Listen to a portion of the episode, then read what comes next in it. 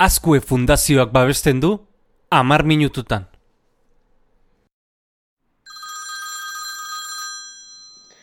Eixo, bueno, e, ni bigarren hezkuntzako institutu bateko irakaslea naiz, euskera ikasgaiko irakaslea zuzen, eta, bueno, nire galdera edo e, motivazioen ingurutik dijoa.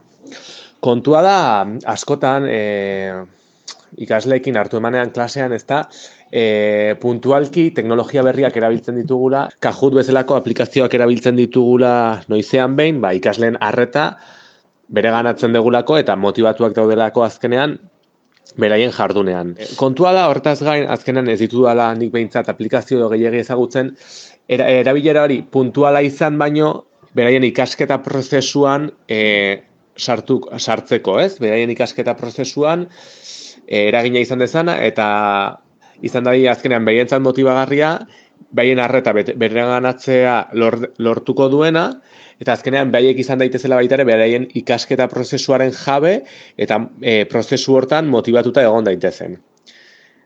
Ez dakit e, horren inguruko proiekturik edo garatu den dagoeneko ezagutzen dezuen, baina ala baliz ba oso baliagarria izango litzai gukela pentsatzen dirakasle guztiei, beraz asko eskertuko nizueke.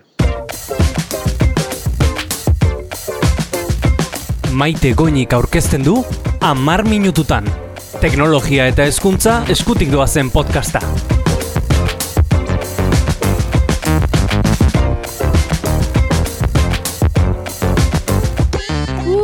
Ez daukagu ba gaur errex errexa lehenengo galdera eta zailtzaia, ez da motivazioarena.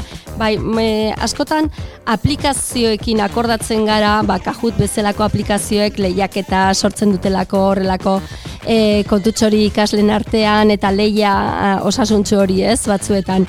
Gertatzen dena da, gaur e, motivazioaren inguruan hitz egiteko bururatu zait e, ezagutzen dudala e, esperientzia bat nahiko interesgarri izan litekena eta ez dago aplikazio baten baitan, ez? Gehiago da ikaslea bera, ba, protagonista egitea, bere ikaskuntza irakaskuntza prozesuaren protagonista egitearena. Eta hori nola egin dezakegu, ez? Hau edozein esparrutan egin liteken, hau da euskara irakasten ari bagara, e, primerakoa da, e, proposatuko duguna, baina izan liteke beste edonorentzat ere. Eta horrelakoetan, ba, beti nik aholkatuko nuke metodologia aktiboren bat jarraitzea. Kasu honetan, e, ikaslea zentru bihurtzeko berak egingo du irakasle papera. Eta nola egingo du, ba, bertan ikusiko dugu esperientzia konkretu bat, zeinetan elementu osagai horiek guztiak biltzen diren protagonismoa ikaslearena, e, lana ikasleak eta erantzukizuna berea da, bere lana ikusiko dutelako beste batzuek, baina jakin dezagun gehia isiago. Zumaia e, institutuan, Zumaiako institutuan, Mikel Fernandez daukagu beste aldean, eta bera kontatuko digu nola egiten duten, nola lantzen duten txikipedia e, Euskararen irakaskuntzarako edo. Haupa. Kaixo, Mikel, zer moduz? Ba, kaixo, hemen, ondo. Ondo, ondo, lan da lan edo lanak bukatuta, ez? Bueno, goizia ja nahikoa lan inda. nahikoa lan eginda, bueno. De gure deia, da, e, txikipediaren inguruan, badakigu proiektu bat garatzen ari zaretela, e, hor zumaia aldean, eta gustako, gustatuko litzaiguke gehiago ezagutzea, ez? Zergatik hasi zineten proiektuarekin, zein zen helburu hasiera batean? Bueno, proiektu hasi zan txikipediakin batera. Txikipedia 2018ko apeian hasi zan, eta goia maiatzen zein artikulu batzuk egiten. Ba, batxi bateko egin zein ba, pixka biologian emandako, o, ni biologia irakazia naz. Eta biologian emandako kontzeptua eta ba, pixka bat lantzeko ero, ba, asmo horrekin. Pixka delikatu txikipedia bera bai, uh Ze oso artikulo gutxi zauztan orduan, bueno, hande asko falta jago, eh, baina. Bai, bai, eta ez dakienaren txat txikipedia zer dan, azaldu iguzu labur-labur, zertan datzan txikipedia? Bueno, txikipedia, nolait esateko, Wikipedian augentzako berzinua. Sortu berri da, aurreteko anzan Wikipedia izaneko esperientzia bat, baina, bueno, zendiak ez asko zagutzen, da, bueno, integratu genuen pixka bat e, Wikipedia barruan, uh eta orduan da, ba, txikientzako gutxi gora bera sortzi eta nahi urte hartzeko ba, Wikipedia. Wikipedia izango litzatekena. Hau da, ikasleek, e, ikasle txikiek eta e, ba, dokumentatzeko eta informazioa bilatzeko eta bar. E, zehazki, ze lanketa egiten duzue? Bueno, bat ez behitzen duena da, eh, klasian eh, arluetan txertatuta dauko, batxi bateko, batxileko bateko gabe, eta ba, bueno, ni biologiako izan da, zintzetako departamento pizkate, galduta zagin hauen da, eta ba hori, ba, fizika nagusitako kontzeptuak eta pizka bat, eh, ba, zailak izan daizkenak nola moldatu aurrei esplikatzeko. Eta pizkat izan duen ariketatxo hori. Mhm. Eta gero gainera badakit e, ezagutzen dudalako zuen esperientzia, orduan e, batxillergoko ikasleek landu egiten dituztela terminoiek, txikipedian sartzen dituzte, eta gero ze, zer da, nork jasotzen du hori? Bai, guk, e, bueno, berez, e, instituto izanaren gurekin batea dauko baita e, LH-ko eskola, e, edizioa konpartitzen dugu. Eta ba, haiekin pixka diseinioan baita ere, ba, e, ba zer, ze gai nahi zituzten bere lantzea, ez?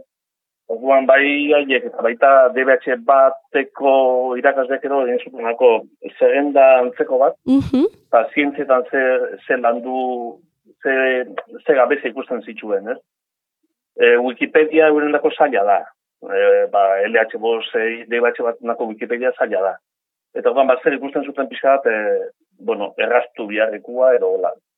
Eta gotik abiatuta, ba, ziginen pixka bat, e, DBH, oi, batxilerrokuekin, ba, ba, terminoien lantzan, testuak e, garatu, Eta, karo, hau bat esplikatzeko bat testuak be erreza izan behar du, esaldi moztak, ez zuzenak, argiak. Eta estetikoki baita ere, ba, erakargarria izan behar da. Eta, ba, ba, bueno, argazkia nola txertatu eta Bai, eta irudiak zuek zeuk sortzen dituzue edo edo Creative Commons edo lizentzietan libreak direnak moldatu edo nola egiten duzu hori? Bai, irudiak ez ditugu sortzen. Mhm. Bai, hau Wikipedian sartuta duena, ba, Creative Commons eh, lizentziakin. Aurrera igual dingo ditugu, Mhm. horiek ere, baina... Ez, info, ja, imaginatzen nahi nintzen ikasleak infografiak egiten, eta horrela, ez, hori aurrerago eh, egin liteken Hori zerbait. prozesu bat izango. Ederki, eta nola ikusten duzu, e, zertan irabazi dute ikasleek olako e, enfoke hau emanez, edo horrelako lan proiektu batean murgilduta daudenean, zertan e, irabazten dute motivazioa adibidez? Bai, motivazioa, bai. bai. Mm. E, argituta gelditzen nola bereiek artikuluak idatzi, eta ja, publikatuta gelditzen da, eh? Mhm. Interneten eta ja, erosi behiratu dezak, eta ga, horrek eragiten di berei ere, ba, pixka bat, eh, autoexigentzia hori, ba, gozatxukun egin behar ditugu, Mm. mm. pixka bat, ondo egin behar ditugu, ez? E, erosin ikuselik hau, eta Mhm. bai, agotasun txiki hori, ez?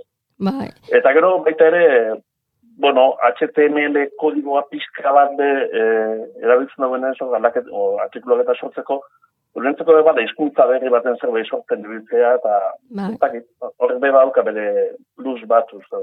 Bai, nik uste dut gainera hori erantzukizun hori eta gainera ba, gauza ezberdinak ere zerbitzu publiko bat ere egiten da horrekin, Bai. niri hori beti oso oso interesgarri iruditu zait eta gero gaina ja HTMLak eta horrelako kodeak sartuta ba, gaur bizigaren garai digital hontan beti oso ondo etortzen dira, ez? Horrelako ezagutzak. Bai, hau oso ondo ezagutzen dituzte aplikazioak eta hola Mhm. erabiltzen badakite, baina gero sortze prozesu hori eurentzako berrisa da. Bai.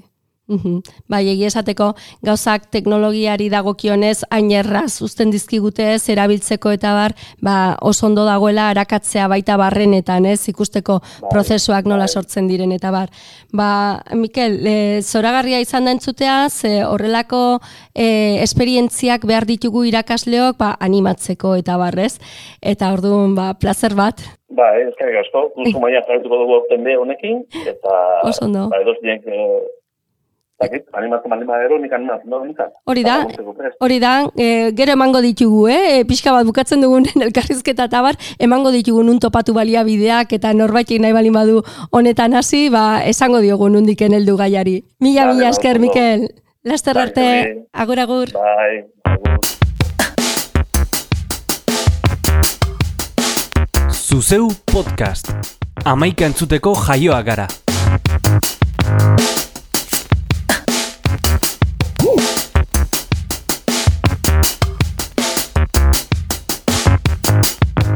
Bueno, ba, ikusi dugu, ez da, e, Mikelek kontatu digun guztia, egizateko ez da bakarrik e, lanketa e, konkretu bat egitea. Horren, horrelakoetan gauza asko lantzen dira. Niko gogoan dut, orain duela urte asko, Euskal Jakintza blogarekin ere ikaslekin, Euskara irakaslearen zatari nahi zorain, e, idatzi digun irakaslearen bueno, idatzi, e, mezua bidali digun irakaslearen zat, eta, bueno, bakar bakarrik ja, elkarrizketak egiten zituzten e, blogean, e, ba, pertsonaia ezagunei eta bar, eta argitaratzen zituzten blogean. Eta bakarrik erantzukizun horregatik eta e, gainera behin bat jogiagotan idazlei idazten genien eta bar, eta idazlek erantzun egiten ziguten blogean. Orduan bakarrik ba, e, erantzukizun horrek ematen zien ba, ardura hori eta hasten ziren e, lanen serion eta bar. Bueno, E, hau izan da e, motivazioa igotzeko modu bat, baina badakigu beste asko egon litekela.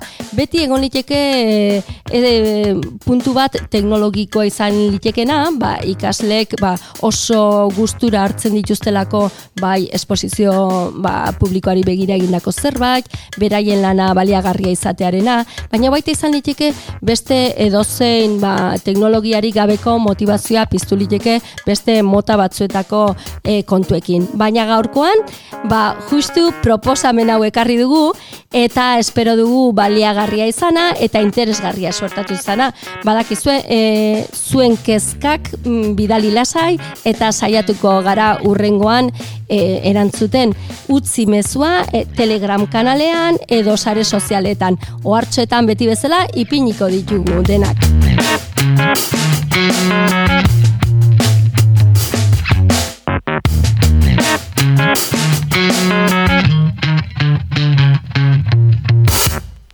Edo zein audio plataformatan entzun dezakezu zuzeu podcast. Spotify, Apple Podcast, Stitcher, eta bestela sartu podcast.eus elbidera. Hori da, podcast.eus. Eta bertan topatuko dituzu ekoizten ditugun saio guztiak.